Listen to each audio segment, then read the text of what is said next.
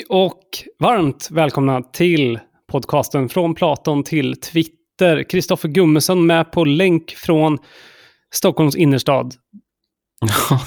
hallå, hallå. Uh, det skulle jag väl inte säga att Jakobsberg är Stockholms innerstad kanske, men ytterstad möjligen. Jag försökte bara skapa någon form av sån där konfliktnivå mellan stad och land.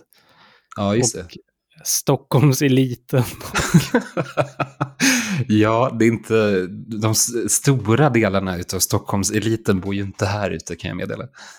Utan det, är, Nej, det. det är mest jag och annat, annat eh, vanligt folk. Och jag försöker alltså bygga upp den här konfliktnivån med att sitta själv i då Sveriges fjärde största stad. Minderväderskomplext inför storebror 30 minuter bort. Ja, just det, men du bor ju betydligt mer centralt än vad jag gör. Okej. Okay. Om det finns något som kallas centralt i Uppsala, det vet jag inte. Det får man nog ändå säga att det gör, tycker jag. Ja, men det känns, det, det är ju lite mer som en så, man brukar ju säga det, att det är som en stor, en stor småstad. Eller en liten storstad, kanske. Det kan vi lämna därhän. Mitt namn är i alla fall Magnus S. Bengtsson och eh, den här podden är någon form av samtidskommenterade podd på allt mellan Platon och Twitter egentligen. Ja, precis. Det är därav namnet. Va? Omfattar området mellan Platon och Twitter, omfattar det handboll också? Jag tror inte att det gör det. Nej, okej.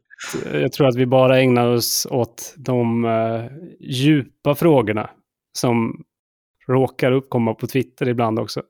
Ja, men jag vill ändå ta upp en sak som har figurerat på Twitter och det är kopplat till handboll, så nu får du stå ut med det. Det var ju handboll i helgen, såg du matchen? Jag såg inte den matchen. Det var ju faktiskt två matcher i helgen. Handbolls-VM har avslutats för herrar i Kairo i Egypten. Eh, och, och, Sverige tog, tog då VM-silver nästan mirakulöst. Va? Sverige hade ju kanske på pappret svagaste lag någonsin.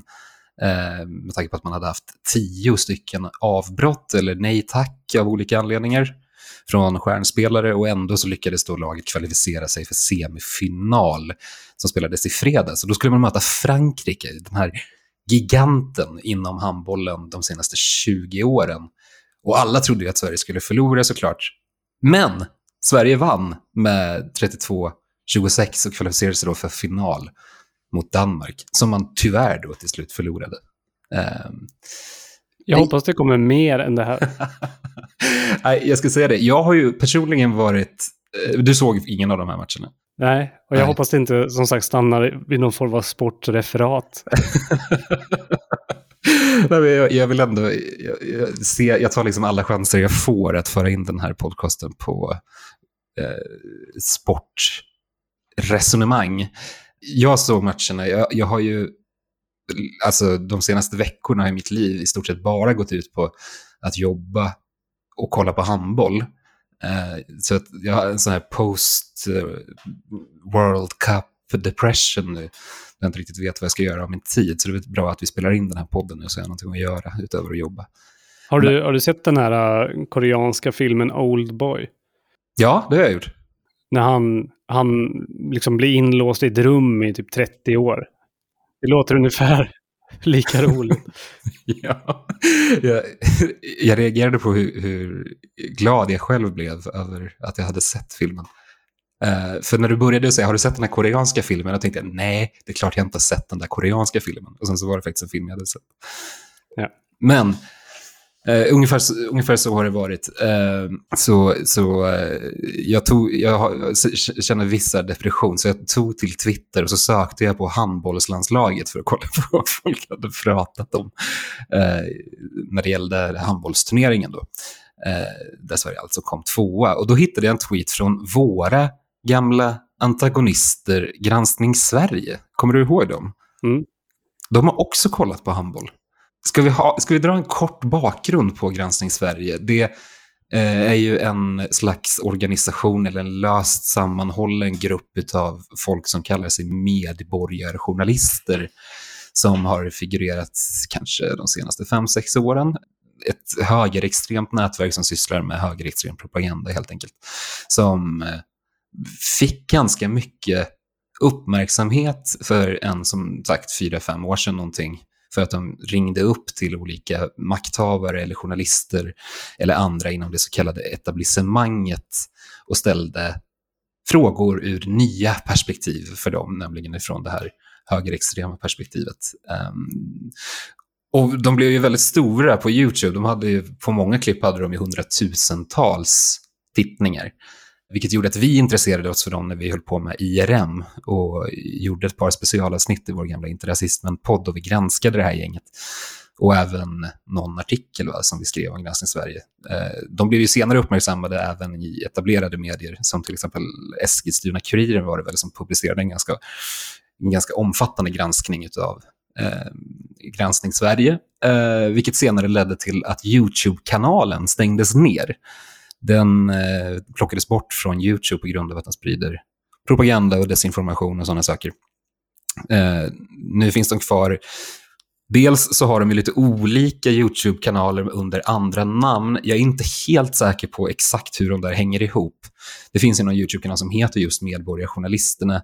Det finns någonting som heter Feministinspektionen och så finns det en väldigt underhållande kanal som heter En arg norrlänning, tror jag eh, som också är en del i det här Granskning Sverige-nätverket, så vitt jag har förstått det. Finns de här kvar, alltså allihop? Jag är inte säker på... Eh, medborgarjournalisterna vet jag finns kvar. Jag är inte säker på deras koppling till Granskning Sverige. Det är lite luddigt det där, vad Granskning Sverige är sedan de stängdes ner där. Det var väl 2019, 2018 kanske.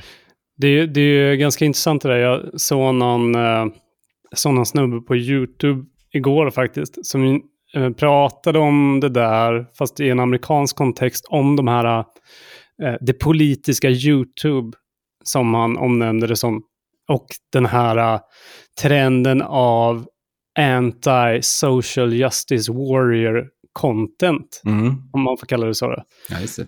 Men den här trenden då att man, man lyfter upp det, det som, det får väl kallas identitetsvänster då, eller woke-vänster i Sverige.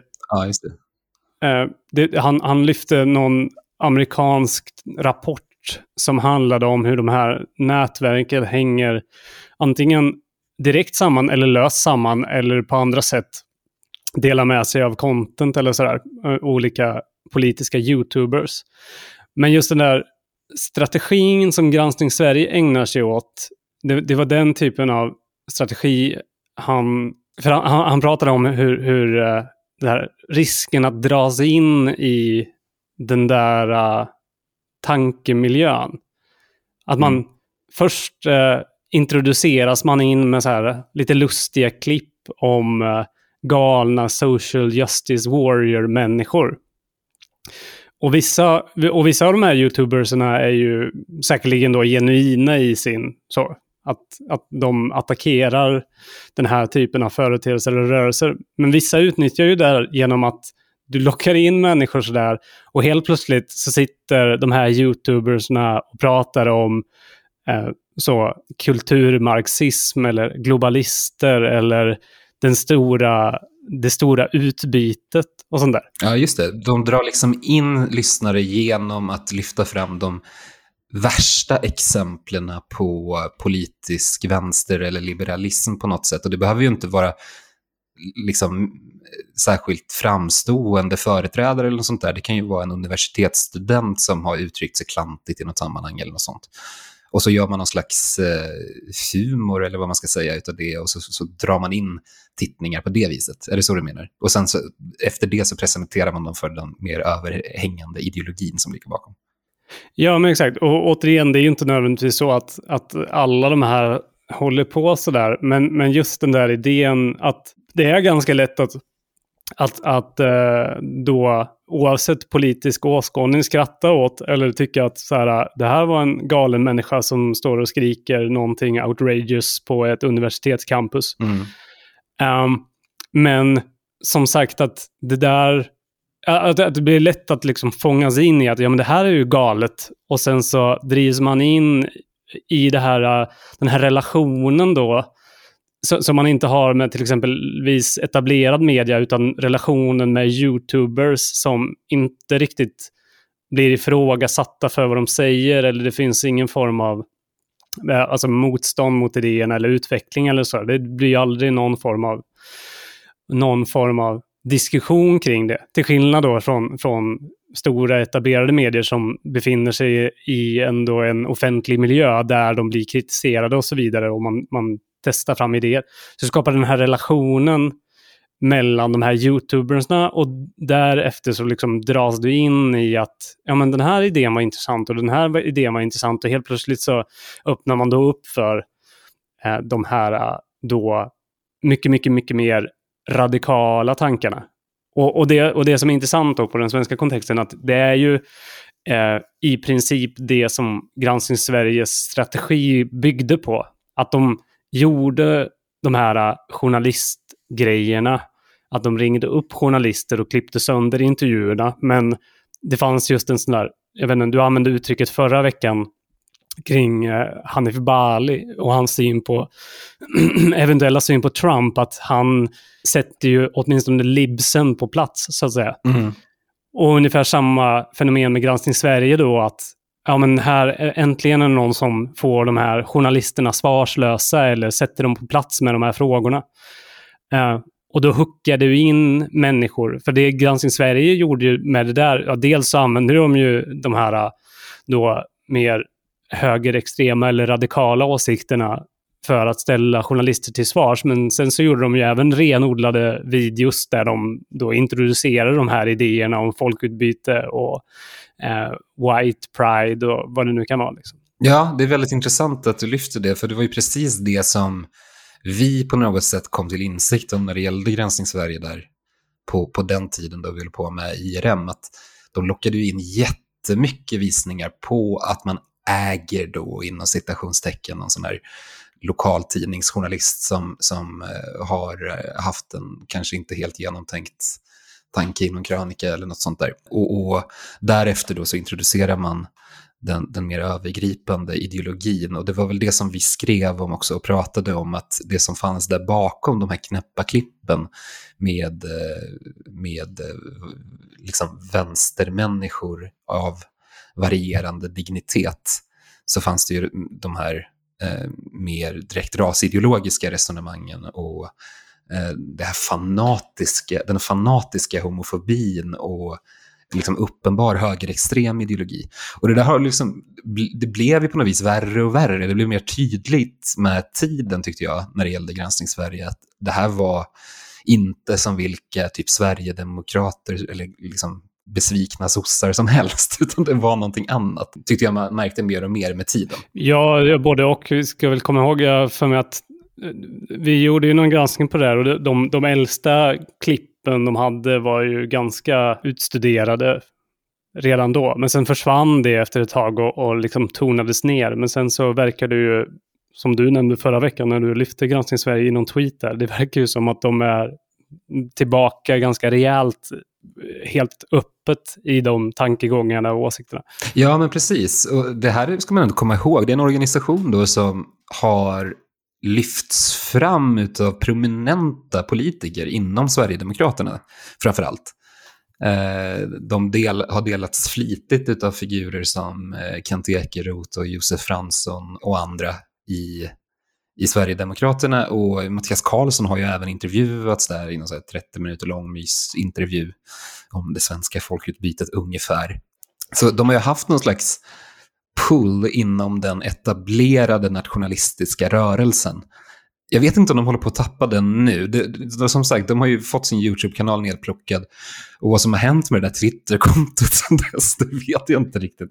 Men det tycks ha spårat ur en aning. Hur som helst så hade Eh, jag har ju haft väldigt dålig koll på Granskning Sverige sedan dess. Jag följer dem på Twitter så det dyker väl upp någonting då och då i flödet, men jag är inte så aktiv på, på just det forumet. Men här så kom det över mig att Granskning Sveriges eh, Twitteransvarig uppenbarligen har kollat på handboll då, precis som jag, så där kan vi åtminstone förena sig någonting. Men han tycks ha andra, han tycks se på sport i ett annat ljus än vad jag själv gör.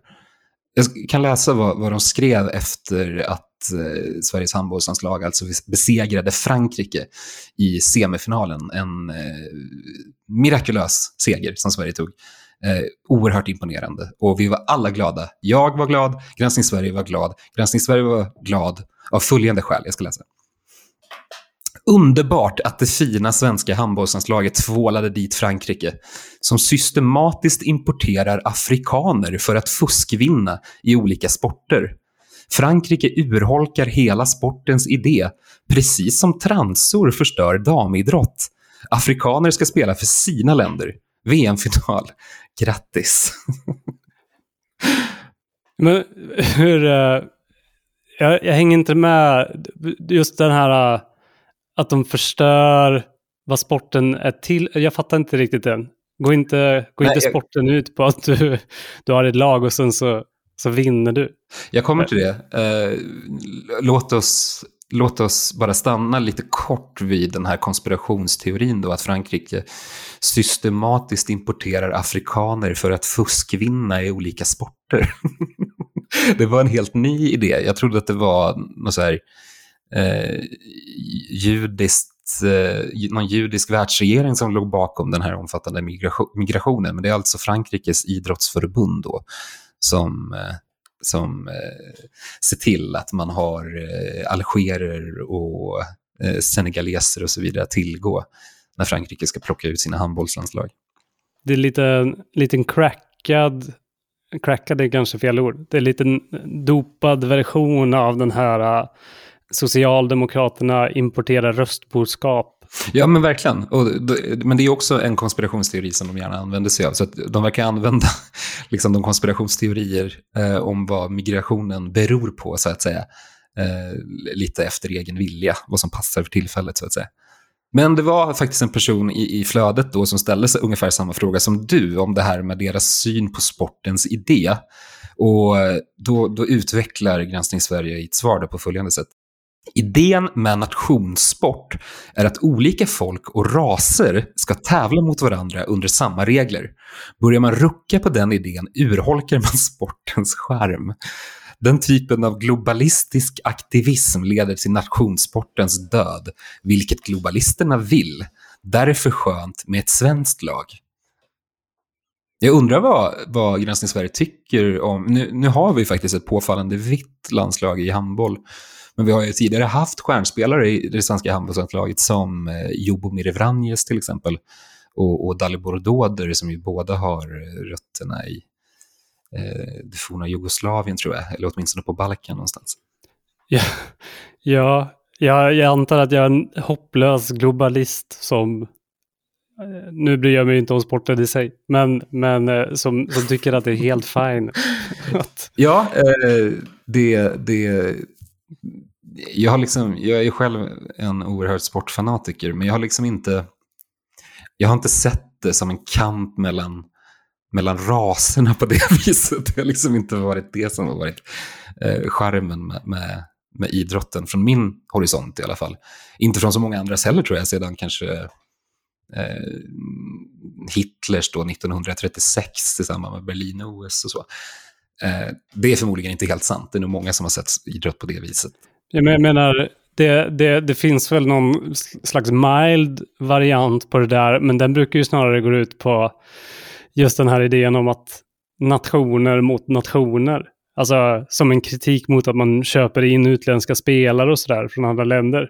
Eh, men, det, men det här var ju verkligen att, att ta det några snäpp mer då, när det ska vara så att säga rasrent. Ja, men de, de gör det ju lite för svårt för sig själva. Alltså de hade ju kunnat eh, liksom linda in sina resonemang lite mer i att, ja, men som du sa, att man inte bör kunna liksom, byta medborgarskapare för att spela ett nytt landslag eller värva spelare mellan landslag som ju faktiskt har skett Eh, inte minst i handbollen då, Qataris landslag som ju inte består av qatariska spelare utan inköpta spelare. Eh, det är någonting som vanligt folk så att säga stör sig på när det gäller nation, nationssport som de kallar det. Eh, när man drar in det här med att det ska vara rasrent och att det är raser som ska tävla mot varandra, då tror jag att man kanske gör eh, man gör det lite svårt för sig själv att få med sig populaset på resonemanget. På tal om Hitler i alla fall, så det, det fick mig att börja scrolla lite mer eh, i Granskning Sveriges feed. Jag har ju som sagt inte haft koll på dem på ganska länge. Och jag märkte just det här med att oj, de har, de har verkligen radikaliserats, eller åtminstone blivit mer öppna med vart man kommer ifrån. Jag en hel del intressanta tweets. De twittrar normalt så här, kanske någon gång per dag, eh, vissa dagar inte alls, andra dagar ett par gånger. Eh, olika typer av högerextrem propaganda förstås. Så kom jag till den 27 januari i flödet. Vad var speciellt med den 27 januari, om du minns Magnus? Uh, det måste vara typ fem dagar sedan. Löning för alla som jobbar i offentlig sektor. ja, nej, det var inte det, uh, utan det var Förintelsens minnesdag. Ah, just det. Som ju har varit uppe för diskussion, inte minst på just den här sociala medieplattformen som vi pratar om, Twitter, av helt andra skäl än Granskning Sverige. Men eh, det kan vi ta vid något annat tillfälle möjligen.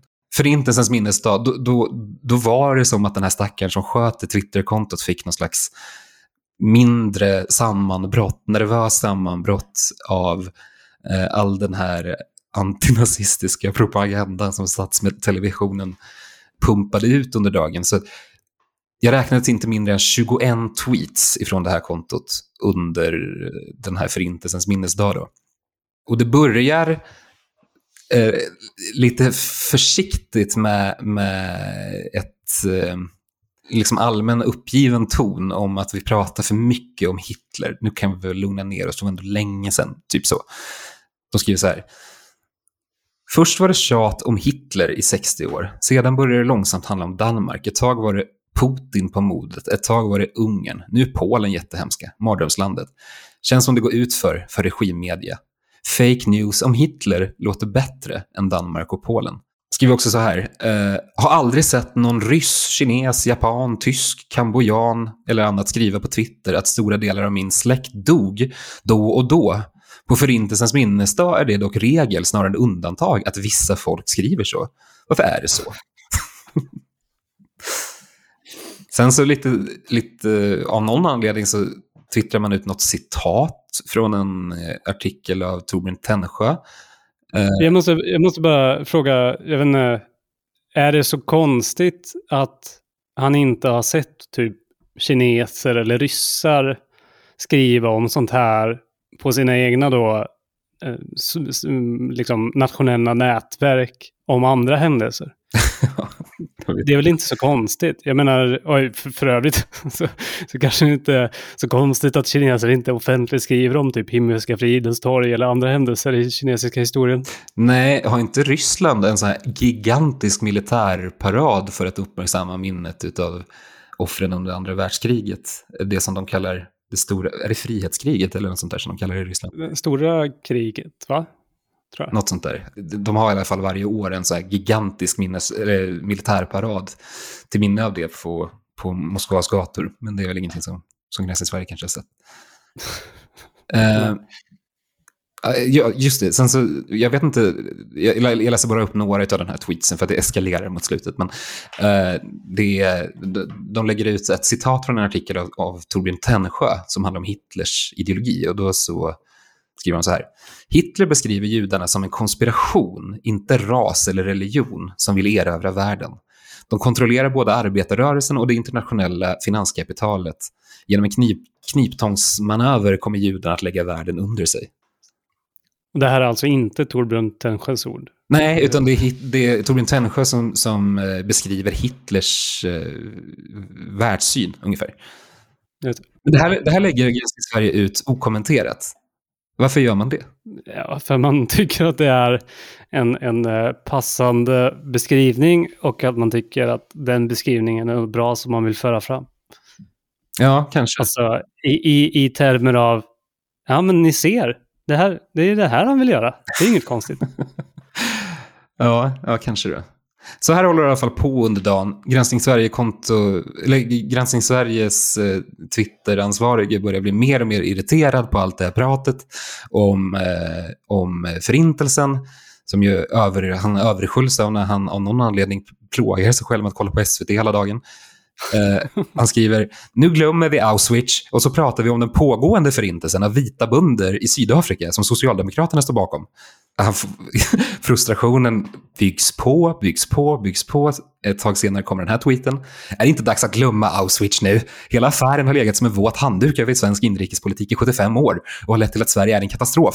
Judarna får sörja sin historia så kan vi sköta vår. Men jag fattar inte, är det, är det folk som svarar på de andra tweetsen eller varför skickar han ut nya tweets? Nej, det är, inget, det är ingen särskild diskussion som pågår i hans kommentarsfält. Eh, men jag tror bara att han, jag tror som sagt att han sitter och följer SVT och det liksom blir mer och mer irriterad över allt det här tjatet om judarna eh, och, och förintelsen och sådär.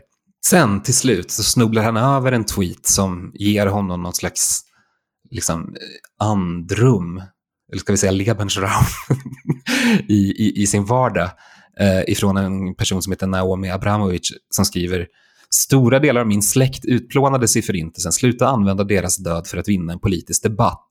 I mina ögon är det enbart ett bevis på att ni redan har förlorat. Och då antar jag att hon hänvisar till eh, den här smått absurda debatten som har pågått nu faktiskt sen dess möjligen, eller sen Ulf Kristersson gick ut och sa att han, hade, att han kan samarbeta med, tänka sig att samarbeta med Sverigedemokraterna. Då eh, folk från höger till vänster försöker kasta Hitler på varandra utan någon anledning. I alla fall så svarar, eh, eller så citerar eh, Granskning Sverige den här tweeten och så skriver man så här. Hade fler judar sagt så här självklara saker hade kanske inte ens förintelsen hänt. Vad för självklara saker? Att, att, ska... Eh, att man inte ska använda eh, judars död som, för att vinna en politisk debatt, låter det som. Jag tror, menar, jag tror han menar rent allmänt då att om fler judar hade varit så här rationella och duktiga, då hade inte förintelsen hänt. Och då, man stannar ju liksom upp då, därför att nu börjar den här milda irritationen som vi har eh, kunnat syna i, i de andra tweetsen, den börjar övergå till någonting annat här. För det låter ju som att Granskning Sverige möjligen skyller då förintelsen på judarna själva. Det låter lite som om de bara hade rätat in sig i ledet så hade ja. inget av det här hänt. Vilket för övrigt är, eh, jag vet inte om det behöver sägas, men det är ganska historielöst för det spelade ju liksom ingen roll om enligt den nazistiska ideologin om judarna så att säga rätade in sig i ledet eftersom de skulle utplånas ändå. Ja, eh, det, det, det är ju en annan ändå historisk diskussion. Granskning Sverige verkar inte hålla med om det. Det var fler som tolkade den här tweeten som jag gjorde ungefär och då frågade de, är det så att ni skyller förintelsen på judarna? Eh, och då svarar då den här Granskning Sverige-konto som alltså, vid det här laget så är han ju i helt upplösningstillstånd över allt det här gråteriet och runt förintelsen som har pågått under hela dagen. Eh, och då så svarar han, hade judarna haft integritet och kärlek i kroppen, som Kent Ekeroth och Katarina Janouch, är det mycket, mycket, mycket tveksamt om förintelsen hade hänt. Punkt. Så, eh, svaret är ja, han skyller förintelsen på judarna själva. Jag vet inte heller om jag skulle definiera, om jag skulle, om jag skulle nämna två människor med kärlek i kroppen. Då hade jag inte hänvisat till Katarina Janouch och Kent Ekeroth kanske. Nej, jag tycker, jag tycker att det, det är lustigt ordval.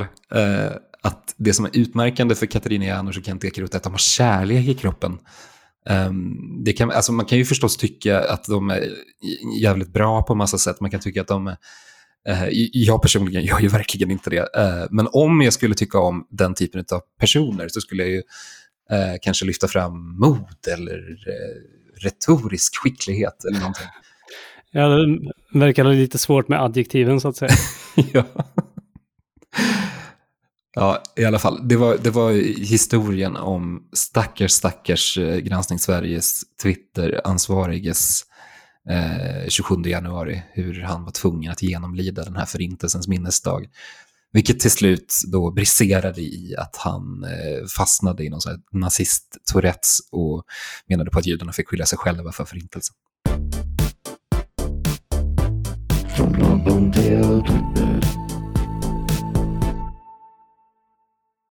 Jag eh, tänkte så här att du nämnde ju det här med den här nazi-debatten i Sverige.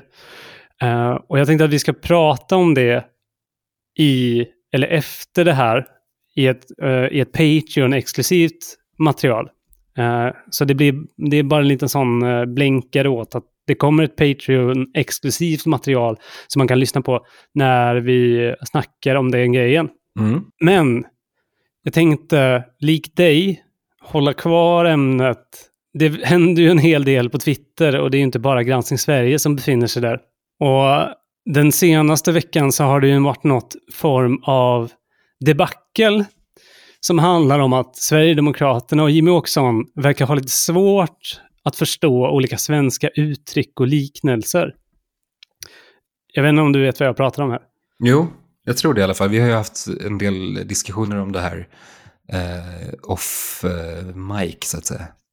Just det. Eh, det här eh, Twitter-debaclet då, upptakten till det, det var en krönika för två veckor sedan som försvarsminister Peter Hultqvist skrev i Dala-Demokraten. Hans take i den här krönikan det var att högerextremister numera kallar sig konservativa för att dölja sin extremism. Och i stort så handlade ju den här eh, krönikan om, om eh, Sverigedemokraterna. Och som en slutlig punch i den här krönikan så skrev han citat hur mycket man än sminkar en gris så är det en gris. Jimmie Åkesson gick i taket över den här krönikan och han kommenterade den med orden Sverigedemokraterna är grisar? Frågetecken.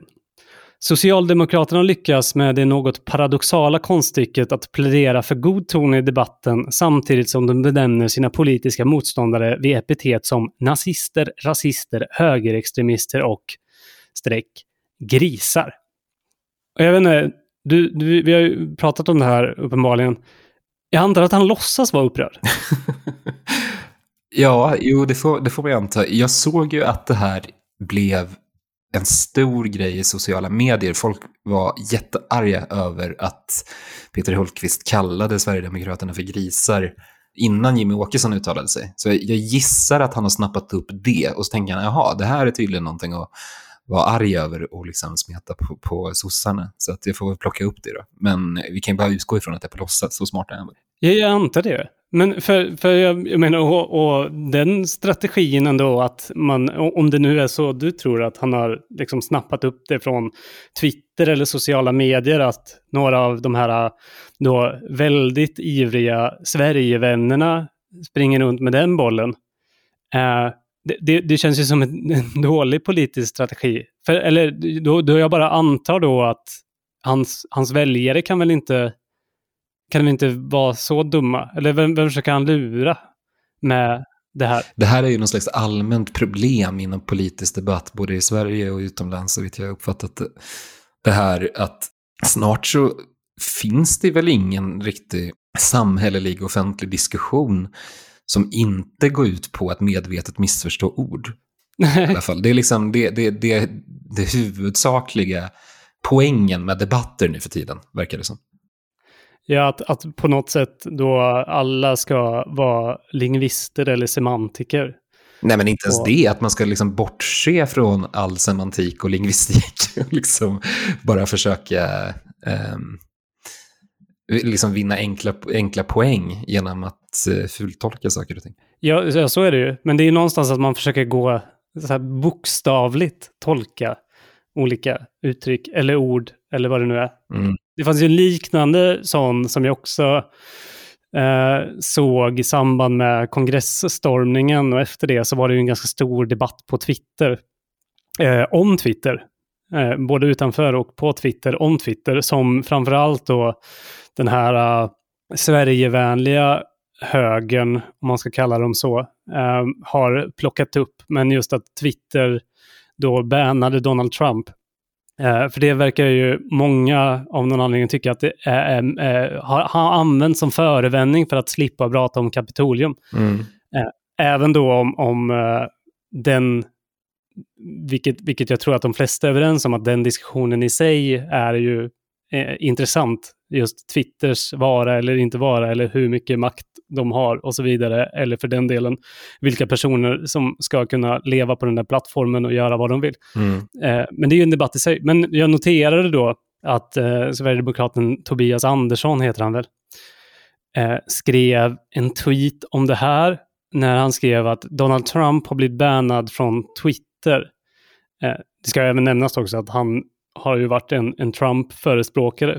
Det, det, kan man ju nämna också. Men i alla fall i den här tweeten då så, så ville han lyfta den här Twitter-grejen och så skrev han att det är dags att välja sida, vi måste ta strid för yttrandefriheten. Mm. Och då noterade jag just den här, det här fenomenet då att liksom gå in och tolka ord så illvilligt som möjligt. För i, i, i anslutning till den här tweeten så skrev han för övrigt att ja, och när jag skriver ta strid för Twitter så menar jag inte det eh, bokstavligt. Eh, alltså att, att, vi ska ta, ta till vapen så att säga. Han eh, med det på förhand alltså? Va? Braskade han med det på förhand alltså? Ja, exakt. Han braskade med en gång. Men det spelar inte så stor roll, för jag såg att den här tweeten sen då fick eget liv som ett utklipp, utklippt bland eh, vissa vänsterdebattörer då eh, sprang med den här tweeten och, och, och, och skrev så här, titta här, titta här, det är den här typen av språk eh, som, som gör eh, att det sker sådana här grejer i USA som vi precis har sett. Oj, ja.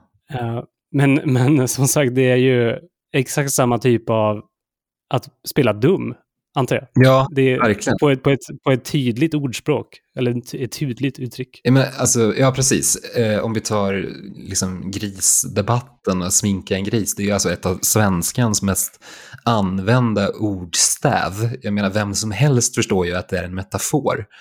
Eh, det liksom inte är att bokstavligt kalla någon för en gris. Det är, som sagt, om man har missat att det uttrycket används så har man ju eh, inte kanske rört sig så mycket i, bland folk under sitt liv. Men, men eh, det här med stridsretorik, alltså det finns ju en det finns ju problematik runt stridsretorik, men alltså man måste ju se det i en kontext, att man använder ord som kamp eller som strid, kriga, den typen av Eh, ja, metaforer är det väl. Eh, det, det, i sig är ju inte problemet, det gör ju alla i olika sammanhang. Om du tar till, till exempel det här som Mattias Karlsson skrev efter förra valet, så pratar han ju om seg, att segra eller dö. Det uttrycket fick ju visst liv efter det, men det var ju mycket mer rimligt eftersom att det det, var, eh, alltså det uttrycket hade föregåtts av ett längre resonemang som var väldigt liksom pompöst på ett, eh, eller pompöst, men som, som, som var betydligt mer retoriskt laddat liksom hela vägen. Men att säga att man ska ta strid för yttrandefriheten är någonting helt annat, det är helt harmlöst. Mm. Ja, men, och det är väl en, en god poäng. Alltså, för övrigt, alltså, seger eller död-uttrycket är väl också ett problem i att, att det inte används i någon offentlig kontext heller. Alltså det är ju snarare ett uttryck som jag skulle vilja påstå är hemma i antingen nationalistisk eh, retorik eller för den delen då i, i någon form av jag vet inte, tv-spel eller fantasyvärld eller någonting. Mm. Så det, det, blir ju, det blir ju en annan diskussion. Och precis som du säger, just med den här kontexten till. Det, är väl, det kan man väl för övrigt eh, det kan man för övrigt jämföra kanske med det här väldigt långa talet som Donald Trump höll eh, innan kongressstormningen. Då. Jag googlade nu lite snabbt Socialdemokraterna plus strid. Och då får jag upp här från socialdemokraterna.se. Vi tar strid för den svenska modellen. Vi tar strid, eller Socialdemokraterna tar strid för asylrätten och S fortsätter ta strid för kvinnors rättigheter. Det är de tre jag hittar bara på den här första sidan då av Google-resultat. Du ska se, Kristoffer, att vi kommer förmodligen se mer av de här dumheterna på just de där grejerna också. Det kommer komma som ett brev på posten när den där typen av tweets skrivs. Och sen så kommer det vara en sån där metadiskussion om den här. Nu googlade jag Vänsterpartiet och strid. Då får jag upp striden om tiden, sex timmars arbetsdag från Vänsterpartiet.se. Eh, strid om arbetsrätten ger medvind för Vänsterpartiet. V tar strid om SDs talmanskandidat. Ideologisk välfärdsstrid inom V. Eh, vi tar strid för anställningstryggheten. Ja, du förstår min poäng. Ja, det, det jag tänkte säga med kongressgrejen är ju alltså samma grej. att Donald Trumps långa tal som då föranleddes av tal av Ru Rudy Giuliani, Rudy Giuliani, vad heter han? Rudy Giuliani. Giuliani. Rudy Giuliani. Yeah. Och eh, även Donald Trump Jr. Då. Alltså alla de här grejerna, om man läser transkriberingen av talet så är det ju inte så i sig att någonting sägs som är så hutlöst. Alltså det är väl möjligen då Giuliani som, Giuliani som säger att uh, trial by combat, som är svårt att tolka som något annat än bokstavligt. Men poängen är ju precis som du säger det här med kontexten i Donald Trumps fall, att i det här långa då, närmare, för mig att det är typ en timma långt svammel om att demokratvalet eh, är stulet att i det där långa talet så finns det ju många uppviglande ord som i sig inte behöver nödvändigtvis vara uppviglande, men i kontexten så blir de just det för att de eldar på massorna så att säga. Just det, och det är också föregåtts av två månaders intensiv felaktig propaganda om att valet har stulits ifrån dem, att demokratin har förintats av det demokratiska partiet. Exakt, och det är väl lite också poängen att, i, i, alltså att för, om, när, man, när man driver den här frågan om hur uppviglande det här talet var, då måste man ju ta in alla de där delarna, annars blir det ju lite märkligt. Och det, det kommer ju förmodligen vara om det inte redan finns, för det finns ju även något parti i det här talet där Donald Trump säger att det här ska ske peacefully, uh, de här demonstrationerna. Och grejen är att om man nu vill tolka det där från ett så här positivt, på ett positivt sätt för Trumps sak från eh, högerkonservativa då i USA. Om man bara går på själva talet eller orden i talet, då hade man kunnat peka på det. Men problemet är ju som sagt det här med den här längre kontexten för att förstå orden i sitt sammanhang. Mm. Och det är väl det, den analysen som man får göra på Mattias Karlsson också. Men den här uh, tweeten då, den verkade inte stanna bland upprörda Twitter-användare eller Jimmy Åkesson för den delen. Vilken tweet då? Den här tweeten om grisen. var det en tweet? Var det inte ett utdrag ur en debattartikel? Ja, men Jimmy Åkesson skrev ju en ja, tweet. Mm. Ja, precis. Eller debattartikeln då. Um, som sagt, den, den, uh, den här idén då, den verkade inte stanna på Twitter Twitter utan även Sverigedemokraternas nya tv-projekt Riks. Som eh, jag väljer att introducera här för jag tror att vi kommer få anledning att återkomma till dem.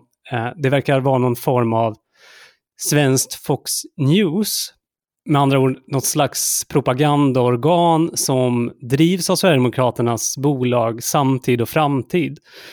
Som vi tidigare i historien har pratat om, jag och du Kristoffer. Mm. Eh, Just för att de startar någon blogg för att ja, föra över lite pengar till Erik Almqvist då han fick lämna på grund av järnrörsskandalen. Ja, hela poängen med bolaget från början var väl att köpa ut Erik Almqvist, alltså en av männen som figurerar i den här videon då Sverigedemokratiska riksdagsmän springer runt med järnrör på stan. Hela poängen med bolaget från början var väl typ att köpa ut honom ifrån riksdagen. Ja, och på pappret då så skulle det vara någon form av medieprojekt, men det utmynnade mer eller mindre i en Wordpress-blogg eh, och eh, Samtiden eh, därefter. Men det intressanta då med det här bolaget, det var att Erik Almqvist eh, i samma stund som han fick lämna riksdagen också fick, jag tror att det var 4 miljoner kronor eh, av någon anledning då för att starta det här bolaget. Ja, det var någon slags konsultarvode han, han fick från det här bolaget, trots att bolaget inte producerade någon slags content i, i verklig mening. Och det lilla problemet var också att det här beslutades i all hast på ett väldigt extrainsatt um, partistyrelsemöte. Just det någon av de här mötena i alla fall, att det skulle föras över snabbt 4 miljoner kronor till den här nya mediasättningen som man beslutade på sju minuter enligt protokollet. Det, och sen så försvann Erik Almqvist till Ungern med de här stålarna. Just det. Men i alla fall, Samtid och Framtid verkar då ha startat det här nya projektet. Ja, det ska vi säga om dem, att nu har de ju sannoliken kommit igång. Ja, ja, det får man väl säga. Sen så kan man ju återigen då prata lite om hur dyrt det här projektet är. Det är ju svårt att säga om, men i alla fall det, det, i, i, i det stora hela så handlar det om eh, olika YouTube-nyhetssändningar, kallar de det själva. De säger att de är en konservativ nyhetsförmedlingskanal, eller något i den stilen. Mm. och eh, består egentligen av tre relativt unga konservativa kvinnor som programledare. Um, jag tänkte, för att få en bild av vad det här är som vi pratar om, så kan vi lyssna på nyhetssvepet från den första februari. Mm. Varmt välkomna till Riks. Mitt namn är Isabelle Eriksson och jag går igenom dagens nyhetssvep. Mohammed är bland de vanligaste namnen på många orter i Sverige och Danmarks statsminister vill se noll asylansökande. Men vi börjar med att Statistiska centralbyrån nyligen släppte namnstatistiken över de mest populära namnen i Sverige 2020. I region Blekinge var namnet Mohammed det näst vanligaste namnet på nyfödda. Övriga orter i Sverige där Mohammed var det näst vanligaste namnet 2020 var Malmö, Hultsfred och Eksjö. Detta visar alltså statistik från förra året och det här har Sveriges Radio även rapporterat om. I Avesta i Dalarna var Mohammed det vanligaste namnet förra året. Sett på riksnivå var Noah det vanligaste pojknamnet och Alice det vanligaste flicknamnet enligt samma statistik då från SCB.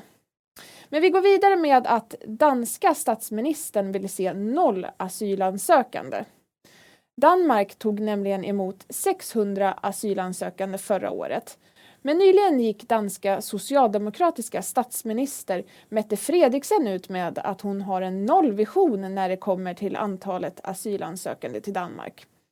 Om vi tittar på motsvarande siffror i Sverige ansökte 13 000 personer om asyl här enligt uppgifter då från Migrationsverket. Samtidigt beviljade Sverige ungefär 20 000 personer med familjeanknytning förra året. Och lägger vi då till arbetskraftsinvandring och några andra kategorier så beviljades totalt hela 88 000 nya uppehållstillstånd i Sverige 2020. Tack för att ni tittade på nyhetssvepet med Riks. Det här, det här var alltså, får vi anta, nyheterna från första februari? Det var ganska kort nyhetssvep. Det var två, två grejer egentligen som de tog upp. Det är två grejer. Och man får väl också säga att de var väldigt specifika också. Men jag antar, jag vet inte, det, det, jag antar att det här är typiska konservativa nyheter då? Ja, jag antar det. Det var ju en väldig indignation över det här med Mohammed. Eh, jag passade på att bara snabbt googla namnstatistik Sverige 2020. Eh, fick upp från SCB e då att eh, Mohammed var det 37 vanligaste eh, tilldelade tilltalsnamnet då för, till, till eh, svenska barn under 2020. Jo, men det var ju det som var det roliga här också, att det var ju en väldigt specifik lokal nyhet om att det var Blekinge de pratade om va?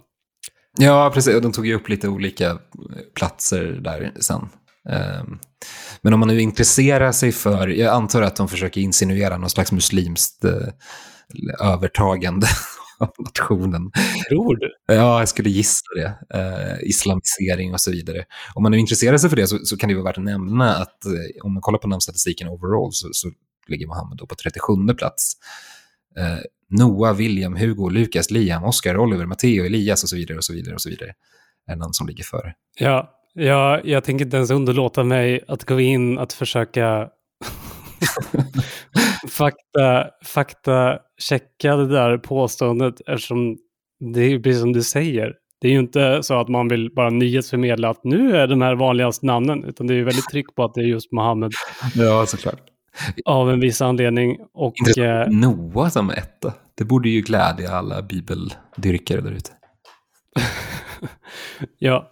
Um, den här grisbollen då, den eh, verkar Riks springa med. Och ganska rejält faktiskt, för att de har ju flera inslag ältat den här grejen. Jag tänkte att vi ska lyssna på två klipp faktiskt. Välkommen till Gris-TV jag menar ju såklart Riks. Peter Hultqvist, socialdemokraten tillika försvarsministern, har nu skrivit i Dalademokraten och, och liknat eh, konservativa vid grisar. Han menar på att högerextrema då kan dölja sin högerextremism genom att kalla sig själva konservativa. Han skriver att att eh, hur mycket man än sminkar en gris så är det fortfarande en gris. Med mig för att kommentera detta har jag Jimmy Åkesson. Välkommen till Riks. Tack så hemskt mycket. Han, eh, socialdemokraten, alltså försvarsministern, kallar nu konservativa för grisar och med andra ord även dig som identifierar sig som det. Jag vet inte, det är ju en, det är en liten, något lustig felsägning där när hon säger även dig som identifierar dig som det. Jag tyckte också det lät som du som identifierar dig som gris. Vad säger du om det här?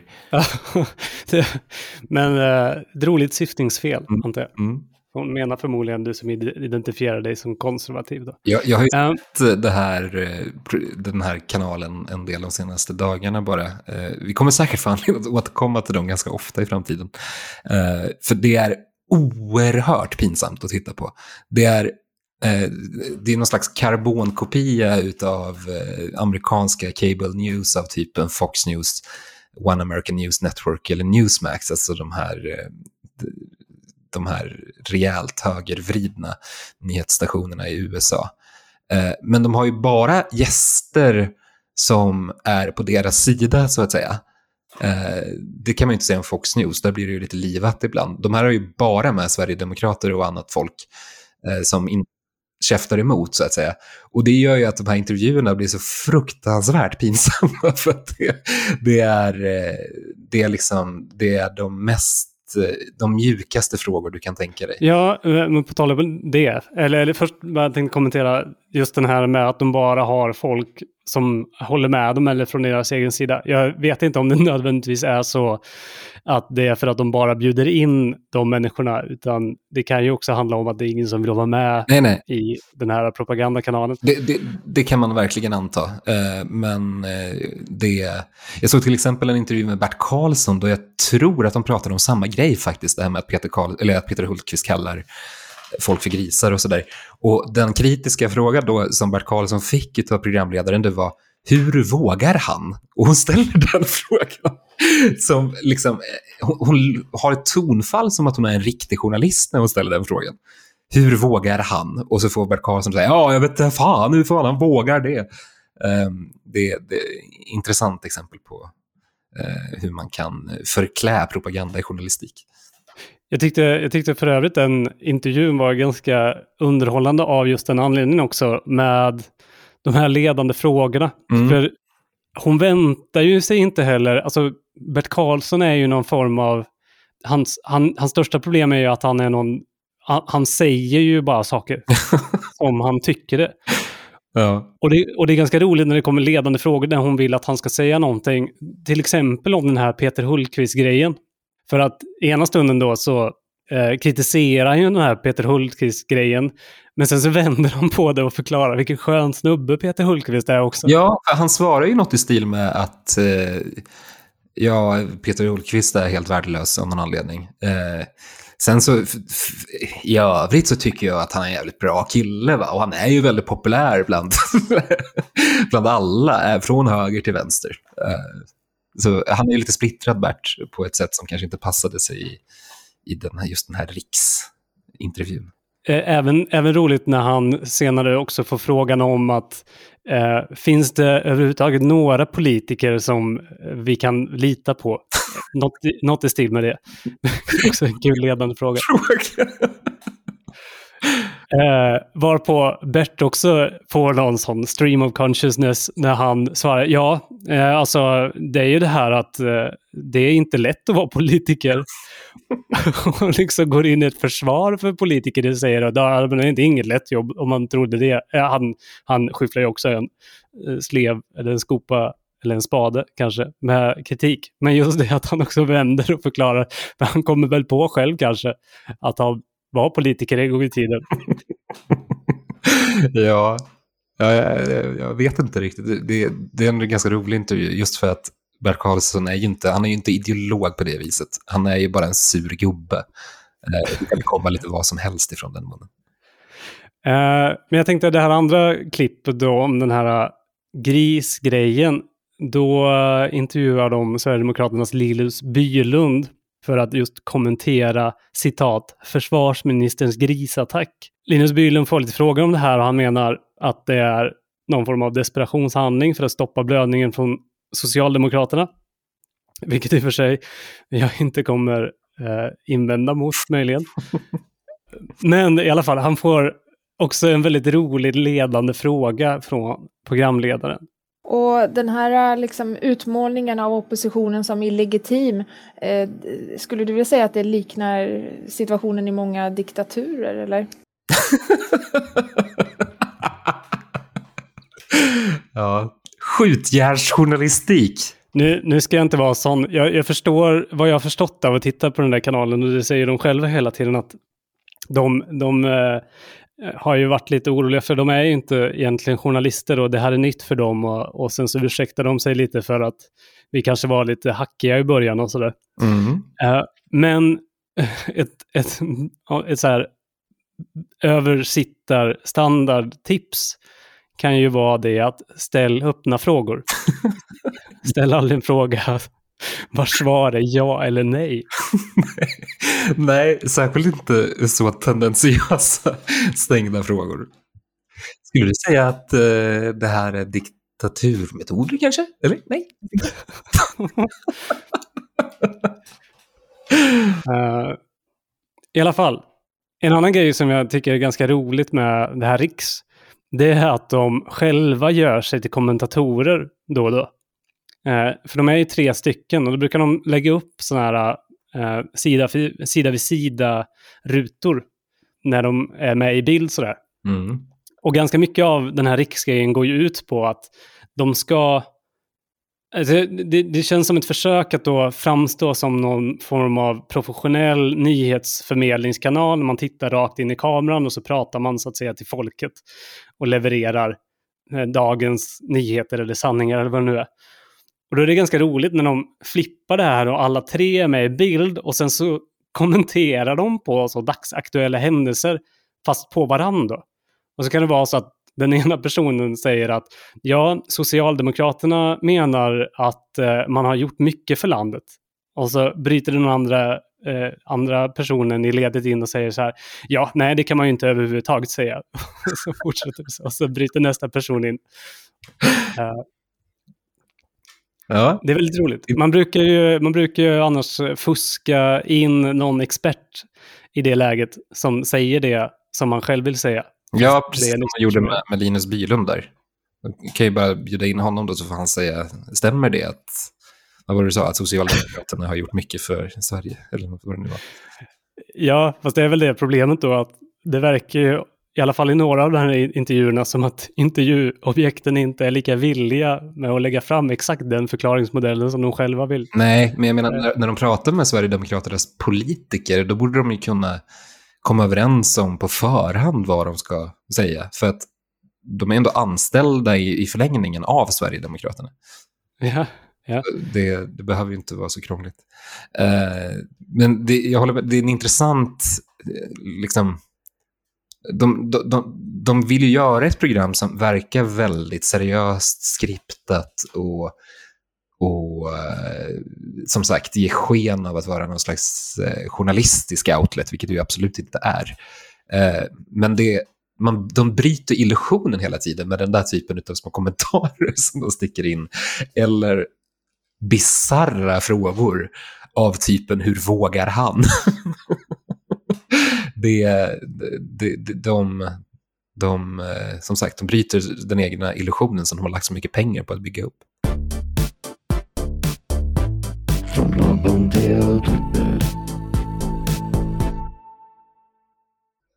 Det var allt för det här avsnittet av Från Platon till Twitter. Det blev en liten djupdykning i så här, Sverigedemokratiska eller nationalistiska alternativmedier den här gången. Eh, Kul, känner jag. Det känns lite som att vara tillbaka på, på IRM-redaktionen, eller på IRM-tiden.